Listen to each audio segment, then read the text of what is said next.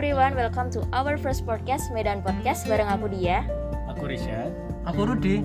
Nah, kita bakal ngobrolin soal Menteri Kesepian lagi hype di Jepang yang baru-baru ini Yoshihide Suga menunjuk Tetsushi Sakamoto sebagai Menteri Kesepian guna menanggulangi angka kasus bunuh diri di Jepang. Nah, ngomong-ngomong soal kesepian nih, sebenarnya apa sih definisi kesepian itu menurut kalian gitu?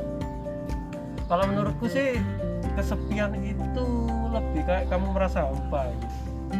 Jadi sifatnya itu lebih internal. Nah, uh, bedanya dengan kesendirian sendiri itu kayak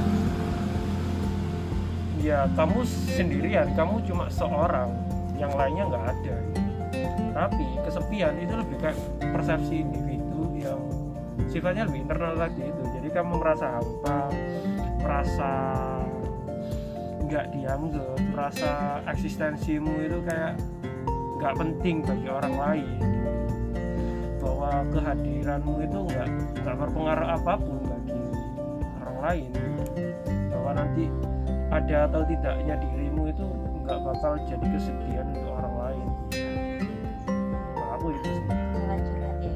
Iya, sekalian curhat ya, Bro. Dalam ya. Dalam banget ini, padahal kita bahasnya sama kesepian aja. Tapi kalau emang eh, orang yang udah itu mungkin banyak baca kali ya, Oh, iya. gitu. Jadi enggak sih oh enggak. Eh, Tapi ya anu apa? inspirasiku kan banyak nonton dari anime kan aku Oh, ngerasa kayak gitu. banyak tokoh anime itu kayak merasa sepi aja Oh, Oke. Iya. Bener-bener. Aku ini sih omonganku bau bawang Oh iya. Kalau aku sih menangkapnya sih gini sih. Mindset kita sih yang main soal kesepian itu, ya enggak sih? ya Jadi gimana cara kita mengolah mindset kita, ya enggak? Benar sekali. Ya, memang eh, sebenarnya pengen cerita dikit nih. Apa gimana gimana tuh? Ya, Cerita apa nih? Dulu pernah kesepian juga ya? Iya. Dulu aku tuh eh, ya pernah kayaknya sih ngerasain yang namanya kesepian. gitu. Apalagi aku kan eh, rantau dari Medan. Jadi ya awal-awal kuliah di Surabaya di Universitas Erlangga gitu. Awal-awal itu merasa kayak apa ya kesulitan mencari teman yang sefrekuensi. Akhirnya ketika belajar itu ya apa ya kayak kurang kurang bisa berbaur dengan teman-teman akhirnya ya pulang ke kosan terus nanti kuliah lagi ke kosan lagi gitu akhirnya kan ya benar-benar apa ya hampa terus stres juga Kupu-kupu ya. iya iya Sebelumnya ulat bukan? Enggak. awalnya ya kepompong eh Oh, iya. ulat sih ulat kepompong Oh iya. Iya. metamorfosis oke oke Oke oke. Eh, tapi sekarang udah bertemu dengan circle yang tepat ya di Medan Podcast. iya Medan Podcast adalah circle baru saya Romo. iya iya itu enggak sih kalau menurutku Medan Podcast lebih tepatnya karena emang eh, salah satu apa ya bentuk pelarian dari orang-orang yang emang sendiri aku Oh. tahu kalian berdua itu jomblo jadi nggak salah soal soal Oh. mau ngomongin circle Enggak sih. lain-lain gitu. Eh, on maaf, back to the topic, back to the topic. Oh, iya. Eh, Balik ke terlalu kayak jauh menyimpang gitu kalau ngomongin soal single gitu iya, ya. menyinggung hati para jomblo nanti Aku nggak nggak merasa sih kalau aku Oke. jomblo. iya balik ke topik Back to the topic. Oke. Em, nih. Terus eh, sebenarnya kalau misalnya kenapa sih orang selain selain dari tadi kan selain mindset, selain mindset ketika orang kesepian itu karena mindset dia, terus karena lingkungan juga. Ada lagi nggak sih faktor yang mendasari eh, orang-orang kesepian di Jepang? aku sih ngebacanya iya karena perubahan aja perubahan sosial yang ada di masyarakat Jepang dulu waktu sebelum perang dunia kedua eh, masyarakat Jepang itu menganggap eh, negara itu keluarga. Kaisar itu adalah keluarga utamanya kepala keluarganya. Jadi eh, dan keluarga-keluarga yang lain di Jepang itu adalah anak-anaknya. Nah pandangan ini berubah ketika Jepang itu ya menyerah tanpa syarat waktu perang dunia kedua dan akhirnya mereka lebih fokus ke pertumbuhan ekonomi intinya itu eh, lari ke individualisme tadi itu. Nah dalam proses di mana Jepang itu memperbaiki diri setelah perang dunia kedua itu eh, perekonominya kan gerak. Terus eh, akibat dari ya situ perubahan tadi itu kayak pengertian keluarga di Jepang itu mulai berubah juga. Dulu itu yang namanya keluarga itu dari tiga generasi. Kakek nenek ayah ibu dan cucu. Tapi semenjak eh, ekonomi Jepang itu mulai maju dan mulai banyak yang eh, melakukan urbanisasi akhirnya eh, kakek-kakek nenek yang ada di desa itu ditinggalkan. Mereka-mereka yang udah rantau dan sukses katakan di Tokyo gitu itu mereka apa itu? Nggak mau kembali. Bikin keluarga sendiri gitu. Dan akhirnya nen ka- apa ya lansia para kakek nenek itu ya yang merasa terabaikan gitu. akhirnya ya, salah satu faktor itulah kenapa banyak lansia yang kemudian merasa kesepian merasa kesepian jadi ini kayak dipandang dari uh, demografi lansia ya. Tapi uh, ketika aku baca kemarin sih uh, angka bunuh diri karena kesepian di Jepang itu karena uh, beda nih dari pandangan Murut. Jadi uh, karena wanita uh, tertinggi di wanita sih sama remaja gitu. Dan aku uh, membacanya karena mereka tuh uh, banyak kehilangan pekerjaan gitu juga sih. Kayak gitu sih. ya akhirnya ketika apalagi kondisi pandemi ya akhirnya kondisi pandemi gini mungkin yang dibilang dia Rudi itu sebenarnya mungkin semakin apa ya semakin tinggi mungkin ya misal kayak lansia awalnya ya isolasi makin kesepian terus juga di wanita dan anak-anak ya 16% ya? Dari Iya, 16% itu sih. paling besar wanita dan anak-anak itu apalagi wanita gitu kan. Eh, banyak yang kerja di bagian retail bagian jasa kalau menurut saya baca. Itu kan yang membutuhkan pertemuan langsung. Sedangkan di isolasi kita itu ya wajib di rumah akhirnya kan mereka kehilangan pekerjaan terus malah tambah mereka juga sendiri harus isolasi tanpa ya mungkin itu sih kayak penyebab bunuh diri di masa pandemi. Bahkan ya padahal kematian covid itu cuma satu persen di Jepang tapi kalau kenapa kok bunuh diri di Jepang malah 16 persen itu benar Beda ya di Indonesia ya, Oh beda iya, sama di Indonesia. beda sama di Indonesia. Kalau tapi menurutku eh, ya covid walaupun di Jepang itu menyebabkannya kecil tapi secara nggak langsung covid itu memperparah itu. Kayak memperparah jelas keadaan bahwa masyarakat Jepang itu banyak yang kesepian kan? Eh, memang bahwa betul bahwa masyarakat Jepang itu bunuh diri dan lain-lain. Cuma eh, akar kenapa kemudian ia bunuh diri kan salah satunya dari karena adanya pandemi mengharuskan mereka isolasi dan eh, kondisi ini yang membuat mereka itu ya, akhirnya seperti tadi merasa kesepian dan akhirnya larinya yang bunuh diri. Jadi eh, covid eh, menurutku secara tidak langsung juga berkontribusi pada Jadi penyumbang. angka kematian itu Oh iya iya. akhirnya akhirnya 16 persen ini juga sebenarnya bagian dari kematian covid bisa dibilang tapi nggak langsung Iya iya iya. Tapi eh, kan kita sekarang juga lagi hidup nih di era di mana teknologi, apalagi di Jepang kan ya sebagai salah satu pusat teknologi gitu ya, yang semakin canggih kayak gitu. Nah, di mana eh, hal-hal seperti kesepian itu kan bisa diatasi dengan interaksi secara virtual gitu ya.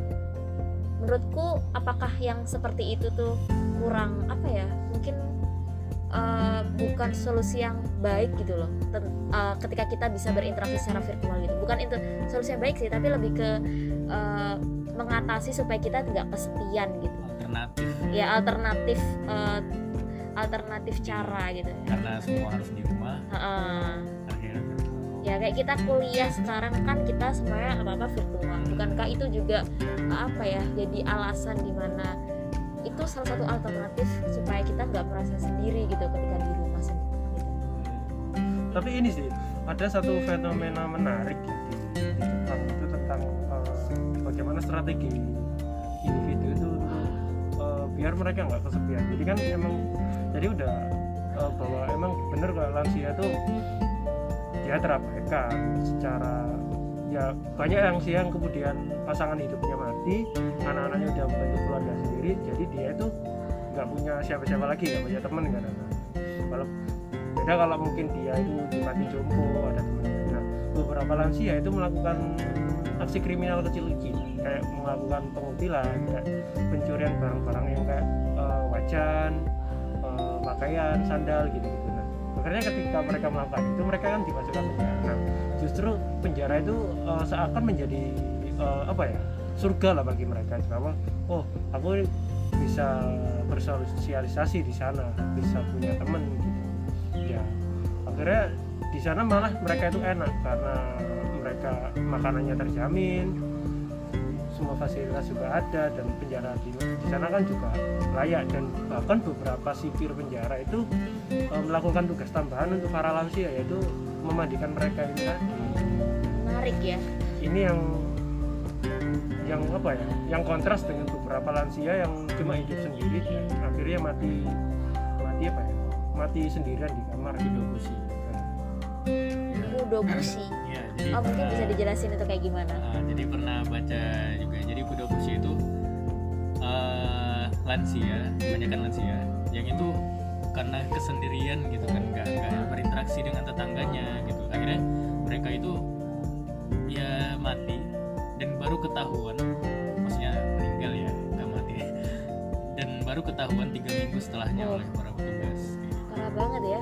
Iya parah. Begitu individualistis kan ya memang baca banyak juga gitu yang bilang ya penelitian dan sebagainya. Ya Jepang itu memang kan ya masyarakat yang individualis gitu yang lahir memang dari yang dijelaskan oleh Udi tadi yang ekonomi yang apa terlalu fokus ke ekonomi.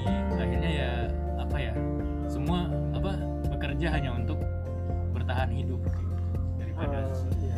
bahkan menurutku salah satu fakta soal kesepian dan kesendirian ini ini salah satu apa ya faktor yang jadi ceruk ekonomi tersendiri bagi beberapa orang.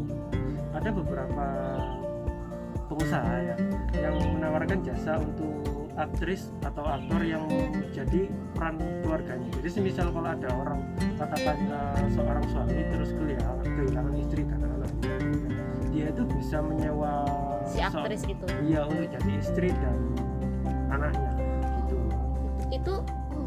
fakta yang baru sih menurut aku Nah. sih. Terus ada yang kemarin itu juga rame tentang seorang pria yang jadi teman ngobrol aja terus dia di dan ya dia dia diem terus dia ngobrol gitu. Nah itu juga salah satu apa ya bentuk apa ya bagaimana akhirnya us ekonomi apa ya pelaku ekonomi pun eh, beradaptasi dengan fakta bahwa masyarakat Jepang itu kesepian. Ini kan karena anggapan selama ini kalau yang namanya ekonomi eh, apa utamanya kan ya ke rumah tangga dulu karena kalau rumah tangga itu pasti anggotanya banyak. Nah di Jepang sendiri yang namanya rumah tangga itu banyak yang karena fenomena kesepian tadi banyak yang rumah tangga akhirnya dirinya sendiri. Jadi rumah tangga itu ya individu itu sendiri. Berarti si individu itu harus memenuhi ya kebutuhannya sendiri paling utama kayak gitu guys. Dan eh, ada salah satu apa ini sih namanya itu super solo society. Jadi eh, aku lupa bahasa Jepangnya apa. Cuma ada beberapa karena dampak dari rumah tangga yang individual tadi beberapa pelaku kayak eh, pelaku usaha kayak yang menyediakan tempat bir minum bir atau eh, karaoke terus restoran itu menyediakan bilik-bilik yang memang khusus untuk orang untuk perseorangan gitu. Jadi ya untuk yang mendukung benar-benar eh, gaya hidup. Individualistis itu. Tapi berarti mencari uang di Jepang tuh ya cukup mudah ya dengan sesuatu hal yang remeh-temeh kita Ya, kayak bisa nemenin aku misalnya nemenin kalian ngobrol gini aku dapat duit ya gitu Oh iya kayak gitu. Dan ini mirip Tinder kan kalau Tapi kalau Tinder ini untuk cari jodoh gitu ya biar ada kayak pasangan. Tapi kalau ini ya untuk menemani lah, menemani aja. ya tapi ya nanti mungkin urusan belakang ya kalau misalnya jadi pasangan Ah, gitu iya benar. Mungkin aja ya. Soalnya kalau di Jepang itu kan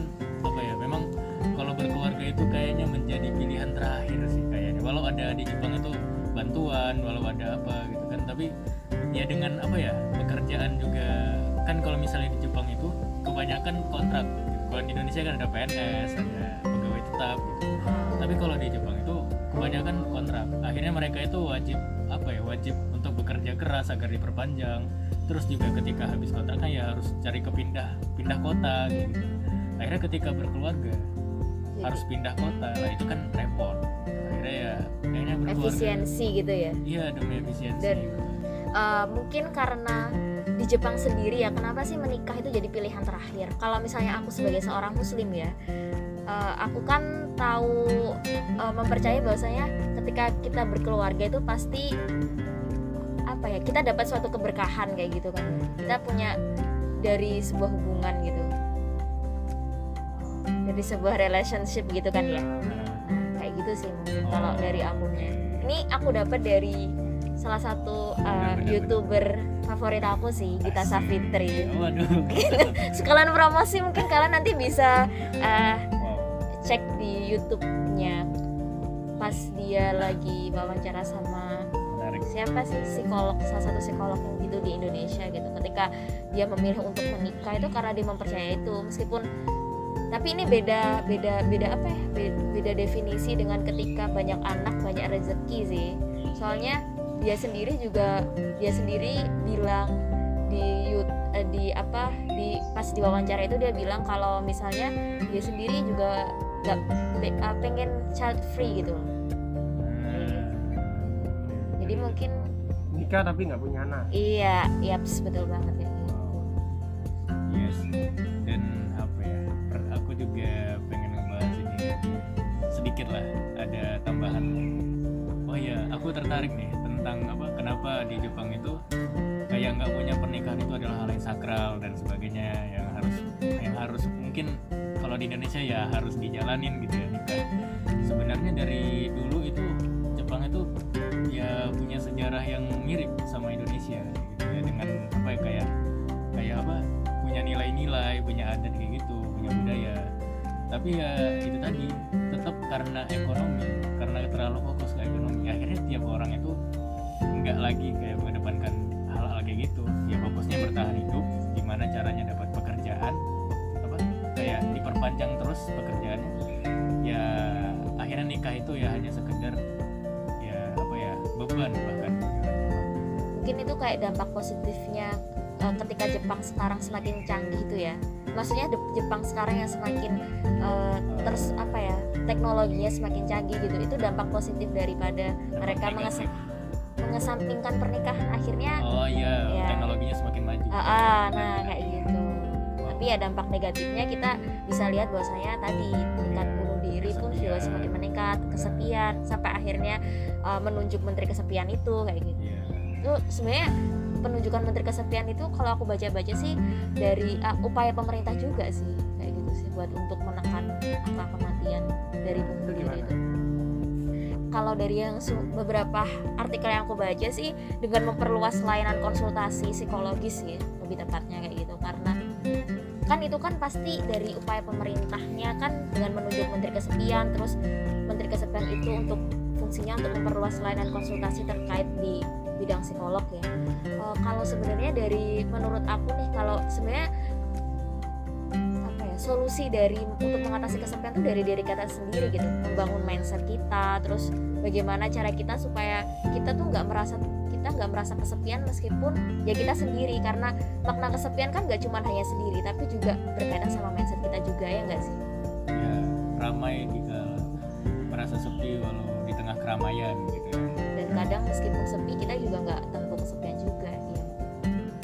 sih aku kepikiran salah satu apa ya alternatif sebenarnya pemerintah Jepang bisa kebijakannya bisa lebih agak eh, cenderung ke negara-negara yang berjalan reverse atau uh, harfiahnya sih artinya negara kesejahteraan. Nah, ini kan mengedepankan pemenuhan hak-hak dasar penduduk kayak pendidikan, kesehatan, eh, perumahan gitu.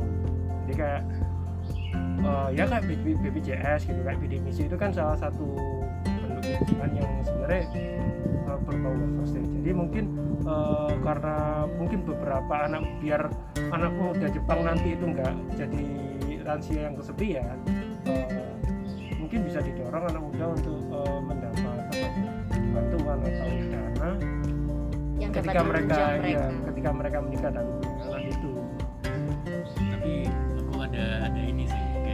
alternatif lain. Bukan kayak mungkin agak mungkin udah udah ada di Jepang Oh, oke. kayak misal di SD mereka di SD tahu pernah nggak Oh. baca kayak di SD Jepang itu mereka diajarin harus bersihin kamar mandi. Pernah dengar pernah dengar belum Kayak- pernah sih. oh iya jadi mereka tuh sejak kecil itu diajarin harus bersihin kamar mandi. Kan biasa bertugas kebersihan. Heeh. nah ini harus anak-anaknya gitu mereka dari kecil udah harus menghormati segala profesi kayak gitu gitu oh, dan hal-hal yang itu bersifat sosial lah lebih ke sana. Dan bahkan di Jepang sendiri juga udah ada bantuan sih kayak untuk anak-anak. Eh untuk yang mau melahirkan anak apa ya istilahnya? Untuk bayi-bayi yang lahir. Nah itu ada bantuan dari Jepang.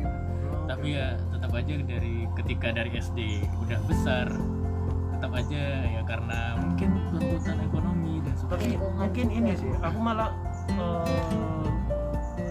di- menganggap gini. Karena melihat tadi apa yang dijelaskan Richard soal mereka dari SD itu udah disayang soal eh, mereka harus membersihkan sendiri atau melakukan apa kan sendiri gitu. Ya. Nah, itu salah satu bentuk apa ya eh, konsekuensi sebenarnya. Kalau ya karena masyarakat Jepang diajarkan untuk sendiri melakukannya secara mandiri ya mereka akhirnya eh, mungkin ya itu terbiasa hidup ya sendiri tanpa harus bantu dengan orang Akhir, lain. akhirnya membentuk mindset mereka juga ya. Iya. malah bisa dampaknya malah ke kesendirian tadi ya. Oh gitu. bisa bisa bisa. Analisa baru sih. Ya udah baru. Oke. Oke, jadi dari pembicaraan kita di siang hari ini aku bisa menangkap sih bahwasanya uh, ketika si Resha tadi bilang mindset tentang menghargai profesi itu bisa melahirkan kemandirian pada diri seseorang bahkan seorang anak SD pun untuk menghargai uh, berbagai profesi salah satunya profesi yang mungkin di Indonesia kita anggap hal yang sepele gitu untuk membersihkan toilet dan profesi-profesi lainnya yang mungkin masih kita anggap sepele. Tapi di Jepang sudah diajarkan uh, hal-hal tersebut hal-hal tersebut sejak dini gitu sejak usia kita masih SD kayak gitu. Tapi uh, dari situ sendiri sebenarnya juga mendorong ketika kita sudah uh, kita sudah dilatih untuk mandiri juga mendorong bahwasanya sifat-sifat individuali individualistis dan mindset-mindset untuk hidup sendiri hidup secara individual itu akhirnya uh, berakibat pada kesepian gitu. Karena kita bisa menghidupi diri kita sendiri tapi kita tidak memenuhi uh, kebutuhan kita sebagai makhluk sosial yang perlu akan interaksi perlu ketemu orang perlu untuk sekedar hal yang mungkin say hi sama teman terus uh, mungkin tonjok-tonjokan ya untuk negatifnya terus atau mungkin saling menjai menjaili kayak gitu. Nah, kayak gitu sih. Jadi- oke mungkin sekian podcast dari aku Risha dan Rudi. Hmm, semoga bermanfaat dan menambah informasi dan wawasan kalian terkait Menteri Kesepian di Jepang itu sendiri. Uh, see you next podcast. Bye